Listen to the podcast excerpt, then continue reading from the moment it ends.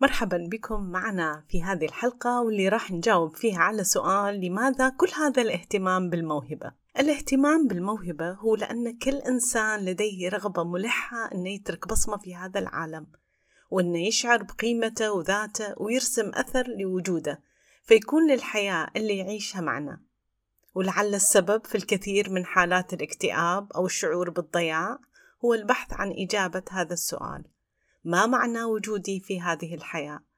بل إن فقدان الشعور بالأهمية له خطورة كبيرة قد تجعل الفرد يفرط بحياته الغالية يفرط بأوقاته يخسر مواهبه ويفقد إحساسه بأنه مخلوق فريد ذكي أوجده الله سبحانه وتعالى لسبب وغرض وفائدة وهدف ما معنى وجودي؟ سؤال يبدأ في مرحلة مبكرة من الحياة ويستمر مع الإنسان إلى أن يحصل على الإجابة اللي تطفأ ظمأه فكلما استطاع الإجابة مبكرا على هذا السؤال كلما استطعنا أن نوفر الكثير من الوقت والعناء على أبنائنا. الإجابة على هذا السؤال بسيطة ولكنها عميقة. الإجابة تكمن في أن كل إنسان وهب شيئا وربما أكثر من شيء واحد يميزه وهو ما نطلق عليه ونسميه الموهبة. فهي التي تميز كل إنسان وتعطي لحياته معنى وهدف. فكل إنسان وجد على هذه الأرض ليؤدي دوره ويقدم شيء لا يستطيع أحد سواه أن يقدمه كما يقدمه هو. ومتى ما أدرك الإنسان ذلك سيقدر حياته أكثر يكون لحياته معنى أكبر فيعمل بكل جد لتحقيقه ويكون بذلك قد شكر الخالق الذي وهبه هذه الموهبة. فإذا نظرنا من حولنا سنجد كل شخص له طبيعته وقدراته ومواهبه. وبالتالي فنحن مخلوقون لنحقق التكامل على وجه هذه الأرض ولندعم بعضنا بعضا.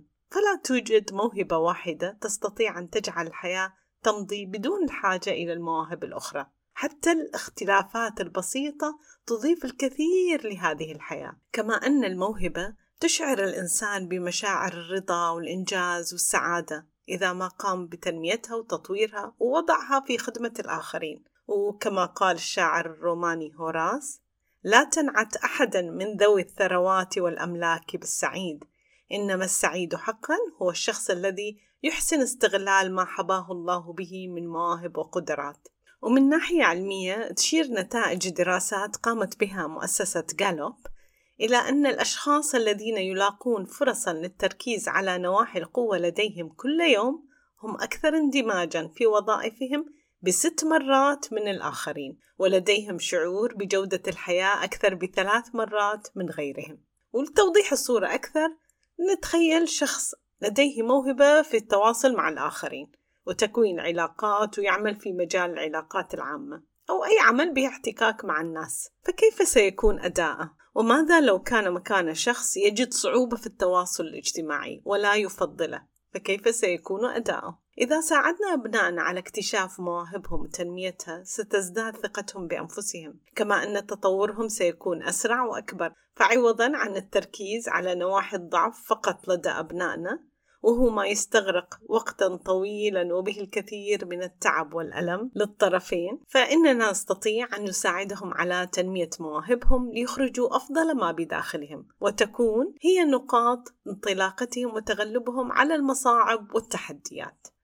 وبذلك نكون وصلنا إلى نهاية هذه الحلقة وأترككم للتأمل في سؤال ما معنى وجودي في هذه الحياة. إلى اللقاء.